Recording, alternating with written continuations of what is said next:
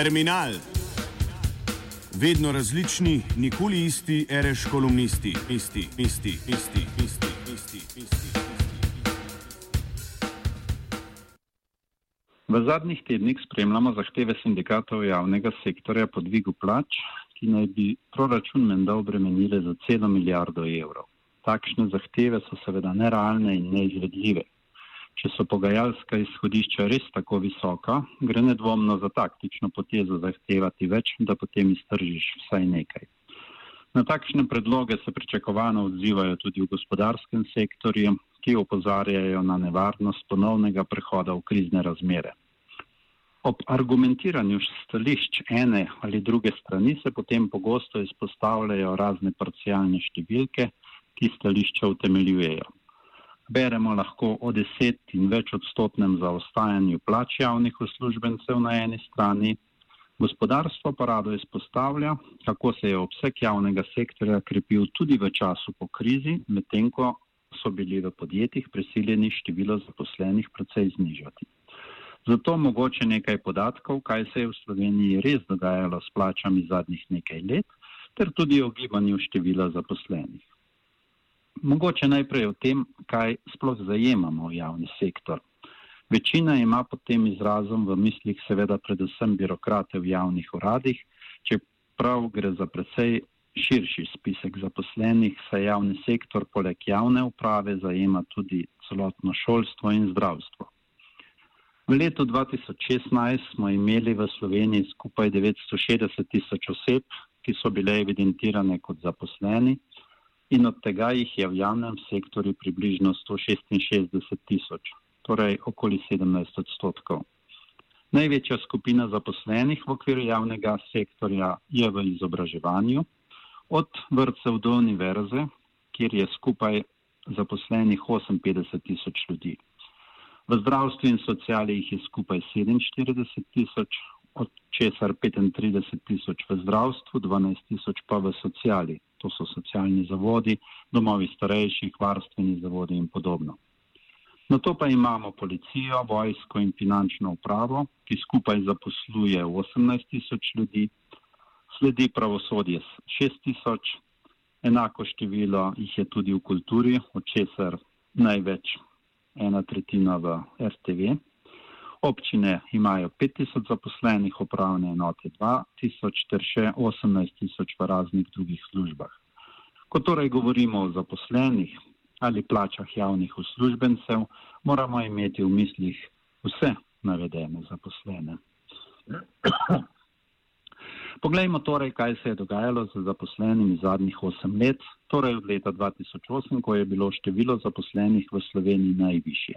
Takrat je bilo zaposlenih v Sloveniji kar okrogel milijon ljudi, medtem ko jih je danes 40 tisoč manj, torej omenjenih 960 tisoč. Kritika gospodarstva seveda izhaja iz dejstva, da se je v tem času število zaposlenih v javnem sektorju celo povečalo za 12 tisoč, medtem ko so bila podjetja zaposlenost prisiljena znižati za 50 tisoč. To je razumljivo močan argument v prid racionalnemu delovanju gospodarstva, glede na denimo neodzivni javni sektor. A za bolj konkretno oceno je potrebno pogledati še strukturo teh zaposlenih. Značilno je namreč, da se je v podjetjih celotni upad zaposlenosti zgodil v treh dejavnostih: v industriji, trgovini in gradbeništvu. V slednjem seveda največ, za kar 37 odstotkov. Razlogi so seveda znani. Izjemni upad povpraševanja oziroma potreb po gradnji ali obnovi objektov in gospodarstvo se je moralo temu prilagoditi. Upad povpraševanja, nakupov iz tujine ter tudi doma so prevedli v prvi fazi do znižanja zaposlenosti tudi v industriji, pri čemer pa v tem sektorju na zaposlovanje vpliva tudi dvigovanje produktivnosti. Zanimiv pa je podatek o zaposlenih v ostalih dejavnostih gospodarstva. V vseh ostalih panogah, ki skupaj predstavljajo okoli tretjino celotnega gospodarstva, se je namreč število zaposlenih v času po letu 2008 celo povečalo. Gre za podoben obseg ljudi, kot jih deluje v javnem sektorju, torej okoli 160 tisoč.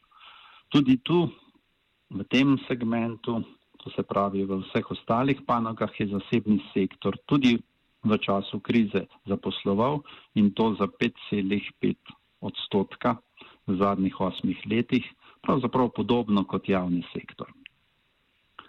Razlog rasti števila zaposlenih je bil nedvomno v povečanju povpraševanja po storitvah, ki jih izvajajo podjetja izven sektorja industrije, gradbeništva in trgovine.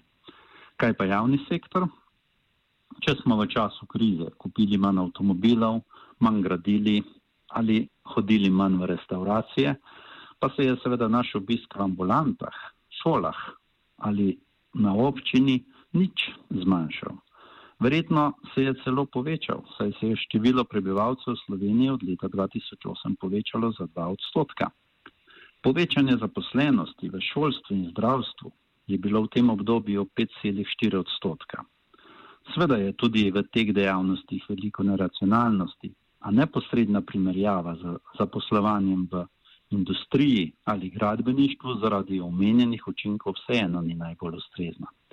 Gre pa za dejavnosti, kjer se je obseg povpraševanja povečal, za razliko od gradbeništva ali industrije, ki sta bila v času krize najbolj pod udarom zniženega povpraševanja. Druga dejavnost javnega sektorja, javna uprava in obramba, pa je v tem času beležila petodstotni upad števila zaposlenih, kar vseeno kaže na določeno prilagoditev razmeram. Pri, pri kritiki zaposlovanja v javnem sektorju je torej vseeno potrebno upoštevati obseg povpraševanja po posameznih storitvah in z tega vedika delovanje javnega sektorja ni tako kritično, kot se rado izpostavlja v gospodarstvu. Sveda, ob upravičeni kritiki marsikaterih postopkov ter tudi manjši učinkovitosti tega sektorja. Poleg zaposlenih v javnem sektorju ter v podjetjih pa imamo v Sloveniji še preko 334 tisoč zaposlenih v vseh drugih oblikah zaposlitve. Njihovo število se v času krize prav tako ni bistveno spremenjalo. Sem štejemo predvsem zaposlene pri fizičnih osebah, samostojne podjetnike, kmete, in zaposlene po vseh drugih zakonsko veljavnih osnovah. Značilnost te velike skupine zaposlenih, kar tretjina vseh, so relativno precej nižji prejemki, kot jih prejemajo zaposleni v podjetjih in v javnem sektorju. Pravzaprav sistematičnega spremljanja njihovih plač sploh nimamo, a iz drugih virov lahko ocenimo, da znašajo njihovi povprečni prejemki le okoli tisoč evrov. To je seveda precej niže, kot je uradno bruto plača v Sloveniji, ki znaša 1600 evrov. Ta se namreč izračunava samo za zaposlene v gospodarskih družbah ter za zaposlene v javnem sektorju. In zato še nekaj podatkov o gibanju teh plač. Podrobnejše podatke imamo torej samo za zaposlene v pravnih osebah, pri čemer statistika ločeno spremlja podatke o zaposlenih v zasebnem sektorju, teh je okoli 500 tisoč, ter zaposlenih v javnem sektorju, teh je, kot smo rekli, približno 166 tisoč. Gibanje plač v obeh sektorjih pokaže, da je bila njuna rast vse do leta 2008 dokaj usklajena. Tako v javnem sektorju kot v gospodarstvu so se plače do takrat povečevale vsako leto približno z enakim odstotkom. Konec leta 2008 pa je kriza zaustavila rast plač v zasebnem sektorju, medtem ko so plače v javnem sektorju nadaljevale z rastjo še celo leto dni. To je bila predvsem posledica virantove plačne reforme, ki se je odražala v višjih plačah javnih uslužbencev. Če so bile do takrat povprečne plače v javnem sektorju okoli 30 odstotkov više v primerjavi s povprečjem v zasebnem sektorju, se je samo v letu dni ta razlika povečala na kar 37 odstotkov. A prišlo je tudi hitro do popravka. Konec leta 2009 je namreč gospodarstvo že pričelo s postopnim dvigovanjem plač in ta rast traja še danes. Na drugi strani pa so od omenjenega popravka zaradi plačne reforme plače javnega sektorja rasle precej počasneje. V letih 2012 in 2013 so se zaradi omejitev zloglasnega zujfa nominalno celo nekoliko znižala. Ta obratna gibanja po letu 2009 so privedle do stanja, da so bile leta 2014 povprečne plače v javnem sektorju le še 25 odstotkov nad zasebnim sektorjem. Torej nekaj odstotkov nižje kot v času, ko je bilo gibanje dokaj usklajeno. Na osnovi takšnega upogleda v gibanja plač bi lahko ocenili, da so plače javnega sektorja mogoče danes kakšne tri odstotke izpod denimo ravnotežnih plač glede na zasebni sektor. Sveda imajo takšne primerjave povprečnih plač predvsej omejitev, saj se je v obravnavanem obdobju precej spremenila tudi struktura zaposlenih. Prav tako takšno primerjavo hitro zavede tudi dejstvo, da so povprečne plače v javnem sektorju precej više od zasebnega. Pri tem pač moramo upoštevati, da je izobrazbena struktura zaposlenih v javnem sektorju precej višja in iz tega tudi izvira više povpreče izplačil. Vendar ob vseh teh navedenih omejitvah bi vseeno lahko trdili, da je omenjena ocena o plačnem zaostanku javnega sektorja za kakšne tri odstotke najbrž kar blizu resnice.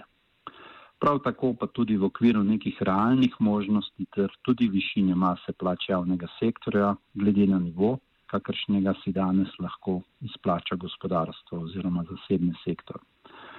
To je torej razlika teh tri odstotke, ki bi jo moral javni sektor s svojimi plačami postopno nadomestiti s kako odstotno točko više rasto prejemkov, kot bodo v gospodarstvu v naslednjih dveh, treh letih. Kaj pomembneje več od tega, pa bi porušilo razmerje in povzročilo neravnovesja tako v javnih financah, kot tudi nasploh v družbi. Pri tem seveda govorimo o masi plač, pri distribuciji tega pa bo potreben dodatek dodaten razmislek in ustajevanje. Do zaostanka plač v javnem sektorju je po letu 2009 nedvomno prišlo. Kljub temu pa so pričakovanja, kot je razumeti iz medijskih sporočil, nerealno visoka. Upamo, da gre pri tem za pogajalske pozicije in da bojo pogajanja pripeljala do realno sprejemljivih številk. Ob tem pa je vseeno prav, da se realno ocenjuje tudi gibanje zaposlenih. Sveda je vedno možno govoriti o racionalnejšem delovanju zaposlenih v državnih službah, a rast potreb po storitvah, ki jih opravljajo zaposleni v javnem sektorju, zahteva tudi prilagajanje števila zaposlenih.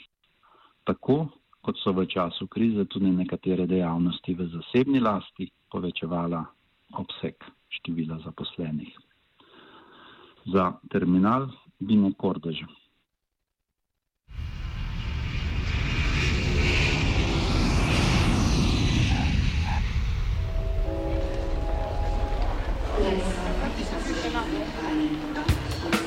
Terminal. Vedno različni, nikoli isti, reš kolumnisti, isti, isti, isti, isti, isti, isti. isti.